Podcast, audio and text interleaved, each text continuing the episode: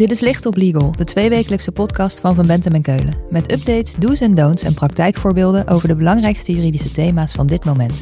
Pragmatisch vertaald naar de impact op jouw organisatie. Gebracht door onze eigen experts.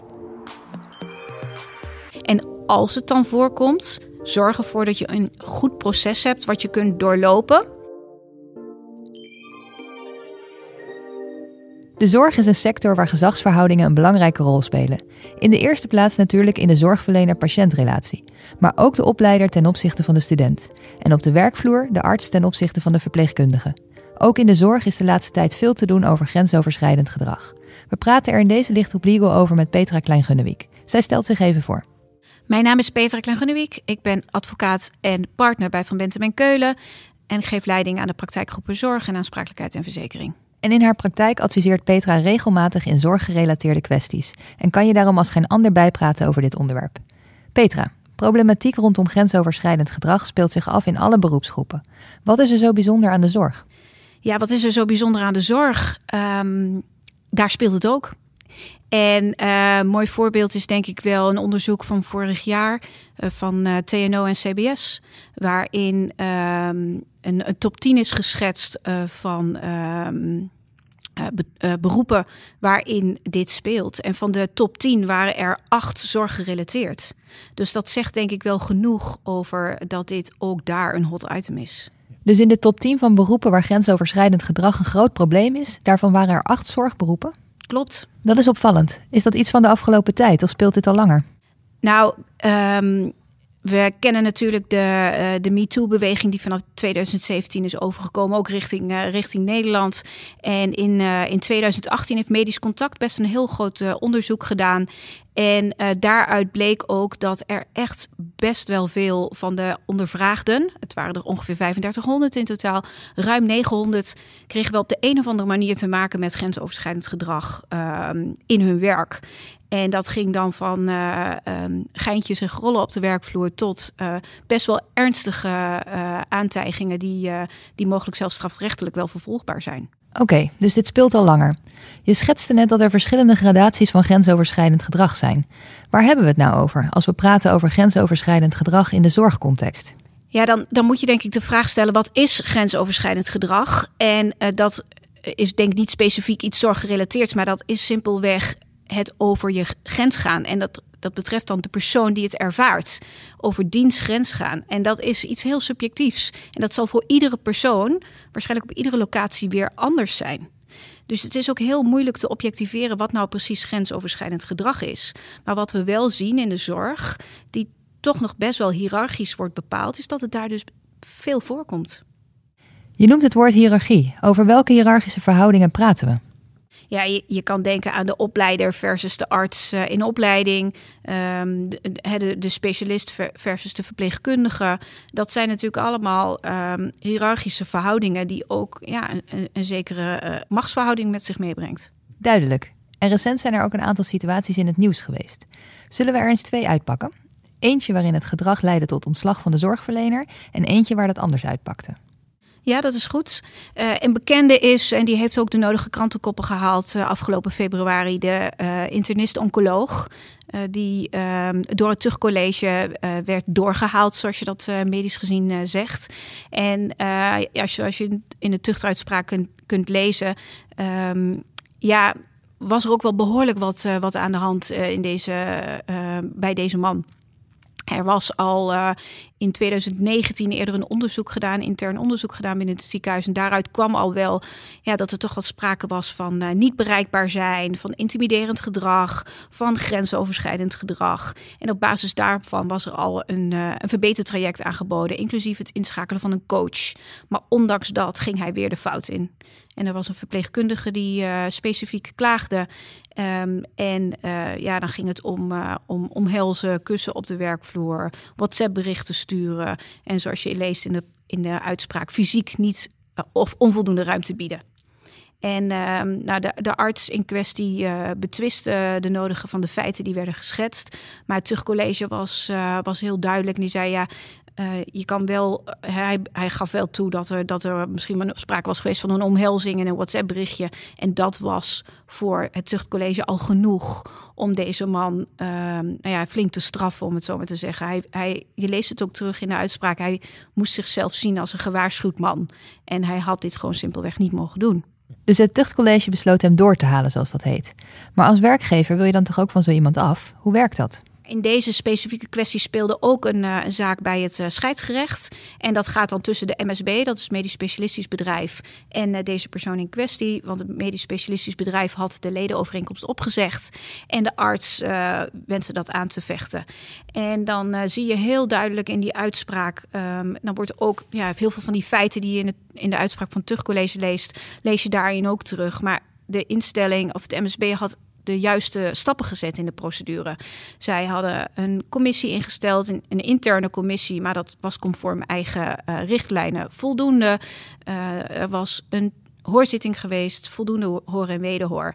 En samenvattend het MSB had er alles aan gedaan om voor een juiste procedure te zorgen. Waarin de arts voldoende mogelijkheid gehad, gehad om zijn verhaal te doen.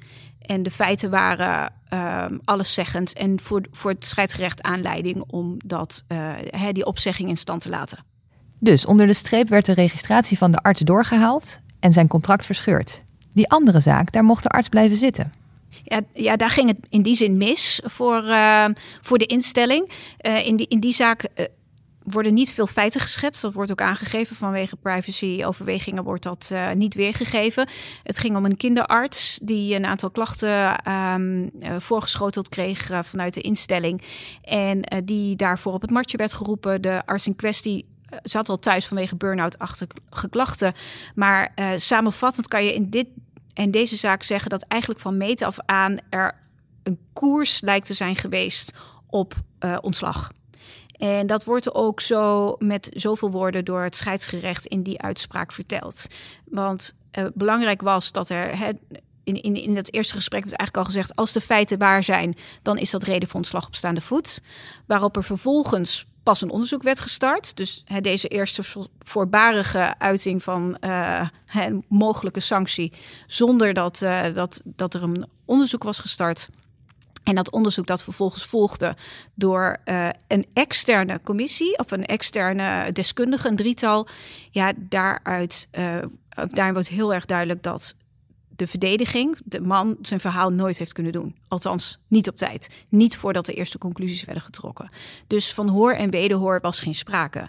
En dan gaat het scheidsgerecht dit onderzoek ook op een hele andere manier beoordelen als ze dat in de eerste zaak deden.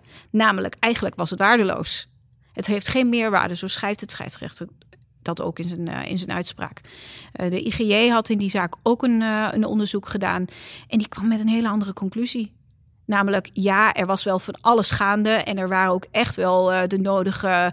Um, um, in, in, het kader van communicatieve sfeer was er het nodige aan te merken op zijn, op zijn gedrag.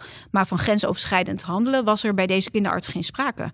Dus um, de, de arbeidsovereenkomst bleef bestaan.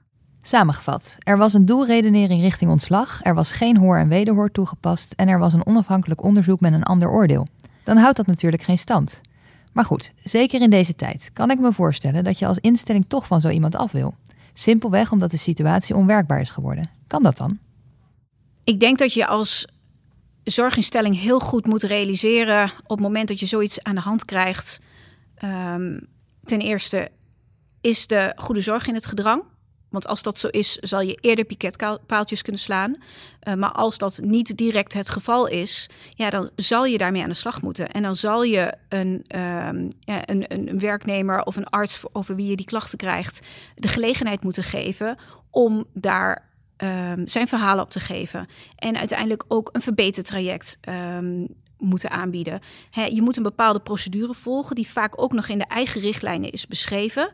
En dat kan je niet zomaar naast je neerleggen. Want op het moment dat je je eigen procedures niet volgt, ja, dan kan het zijn dat, de, dat het ontslag um, of de opzegging geen stand houdt. En bijvoorbeeld in de uitspraak waarin dat dus gebeurde bij het scheidsgerecht, ja, dan zie je wel terug in de laatste alinea. Um, Maar uh, de, de, de arts in kwestie begrijpt ook wel dat het geen houdbare situatie meer is. Dus ga maar weer met elkaar praten. Maar dat betekent dan altijd wel dat, je, nou, dat, de, dat de portemonnee waarschijnlijk flink moet worden getrokken. Dus dat is dan de optie. Helder. Maar nu gingen deze uitspraken over situaties waar evident sprake was van grensoverschrijdend gedrag. Maar er zijn natuurlijk ook onschuldige situaties, waarin de patiënt verliefd wordt op de zorgverlener. Of de doktersroman, dokter en verpleegkundige die op elkaar verliefd raken. Hoe spring je daarmee om als instelling?